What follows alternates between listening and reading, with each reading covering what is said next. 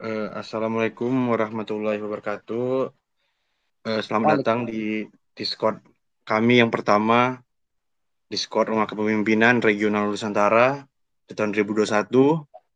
Di sini bersama saya, Alif Almadi, selaku peserta Rumah Kepemimpinan dan juga uh, mahasiswa Universitas Brawijaya di jurusan Hubungan Internasional angkatan 2018. Nah, di, san, di sini saya tidak sendiri, saya bersama dengan teman saya yang juga merupakan peserta rumah kepemimpinan. Mungkin bisa perkenalkan diri? Uh, sebelumnya, Assalamualaikum warahmatullahi wabarakatuh. Perkenalkan, nama saya uh, Muhammad Nurkhair. Saya salah satu mahasiswa dari Universitas Syah Kuala, uh, jurusan Teknik Sipil angkatan 2019. oh, jadi Khair ini dari Universitas Syah Kuala ya, dari Banda Aceh ya? Ya, alhamdulillah. Uh, universitas paling ujung di Indonesia gitu ya. Nah, ya, siap. Berbicara mengenai kampus ya, kita tentu tidak bisa lepas dari kehidupan ataupun aktivitas akademik di kampus, ya kan? Khususnya di masa pandemi gini. Nah, mungkin ada beberapa pertanyaan ya, ataupun pembahasan kita kali ini berfokus kepada online versus on, online versus offline gitu kan. Di mana Nuril katanya offline ya bener ya? Ya benar nih offline. Ya jadi Mix. kita akan mengcompare ya bagaimana aktivitas akademik perkuliahan uh, antara offline dan online kan. Kalau saya kan sudah jelas online. Soalnya di Universitas Brawijaya di Malang belum memberikan izin untuk penyelenggaraan kuliah secara on, offline gitu kan. Karena Eh, kasus COVID masih tinggi tentunya. Nah, langsung masuk kepada pembahasan, tentu kita ingin bertanya lebih dalam nih ke Nuril nih, karena Nuril kan offline kan. Uh, ya. Gimana sebenarnya kuliah offline di masa pandemi itu gimana, Nuril? Um, menurut saya sendiri, um, sistem yang digunakan di Universitas Syakula sendiri itu adalah sistem uh, protokol sesuai dengan protokol kesehatannya itu ketika memasuki uh, bagian uh, ruang kelas kami ada di cek tubuh. Nah, di situ kemudian pembagian kelas itu tidak ramai seperti biasa. Seperti biasa kami kelasnya dulu sebelum Covid itu 30-an, sekarang dipangkas menjadi 15 atau 20 uh, orang per kelas. Nah, di situ uh, kami diterapkan protokol kesehatan uh, di setiap um, bagian kelasnya dan uh, kami juga mau diwajibkan untuk memakai mas masker uh, pada saat jam pembelajaran di kelas. Nah, mungkin itu salah satu cara uh, penggunaan protokol kesehatan di Universitas Syakola pada saat uh, kami berkuliah offline ya. Mungkin gitu.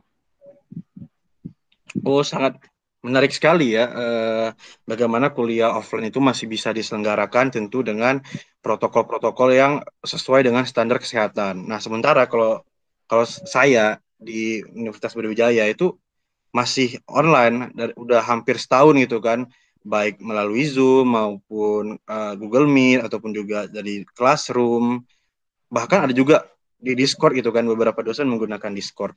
Nah, ini juga uh, kelasnya itu terkadang ada asinkron itu. Jadi nggak selalu uh, menggunakan Google Meet ataupun berjumpa secara langsung di uh, virtual ya. Karena kita tahu kan bahwa juga kita kan kadang-kadang lelah gitu kan kalau di depan laptop. Terus kadang-kadang dosen juga menggunakan metode yang uh, asinkron. Asinkron itu artinya dosen itu memberikan rekaman kemudian dia meng-share di Google Classroom dan mahasiswa itu uh, memahamilah apa yang dia jelaskan di studi Google Classroom tersebut. Nanti tanya jawabnya di kolom komentar Google Classroom.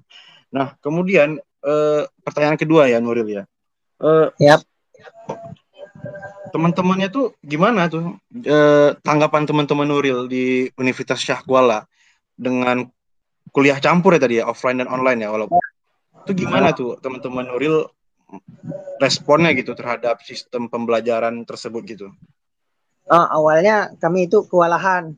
Yang pertama ada dosen yang menyelenggarakan secara online dan uh, ada dosen yang menyelenggarakan uh, secara offline. Nah, pada uh, ada suatu hari itu uh, di uh, ada kalau tidak salah tiga matkul entah.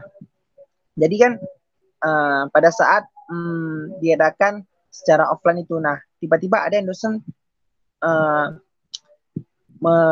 memutar balikan uh, kembali uh, menjadi online. Uh, kemudian uh, ada beberapa dosen yang uh, hanya memberikan tugas. Nah dari situ terkadang kami bingung, apalagi kan kalau teknik ini kan tidak bisa uh, otodidak. Uh, kita harus betul-betul belajar, betul-betul bertanya. Nah mungkin di situ respon kami ada mungkin ada yang negatif, ada yang positif. Nah tergantung masing-masing. Jadi kan um, mungkin salah satunya di sini kewalahan kami karena tidak benar-benar efektif uh, untuk pembelajaran uh, campur uh, di saat seperti ini.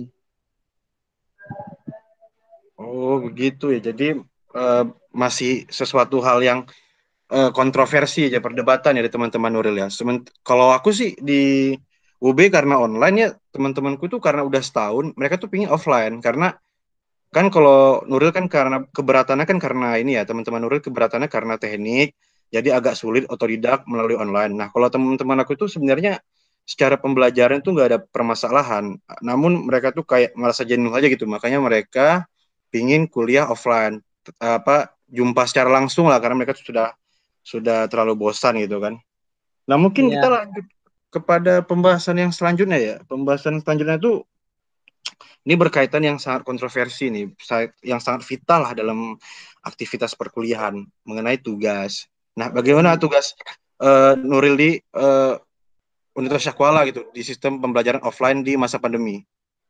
Nah, itu salah satu yang sangat susah mungkin dibahas karena ada beberapa dosen yang tiap minggunya itu memberikan tugas dan ada ada beberapa dosen yang hanya sebulan itu memberikan satu tugas. Nah, mungkin uh, tergantung dosennya, bagaimana dosennya uh, membimbing siswanya. Nah, dan uh, tugasnya itu pun nggak tanggung-tanggung dikasih.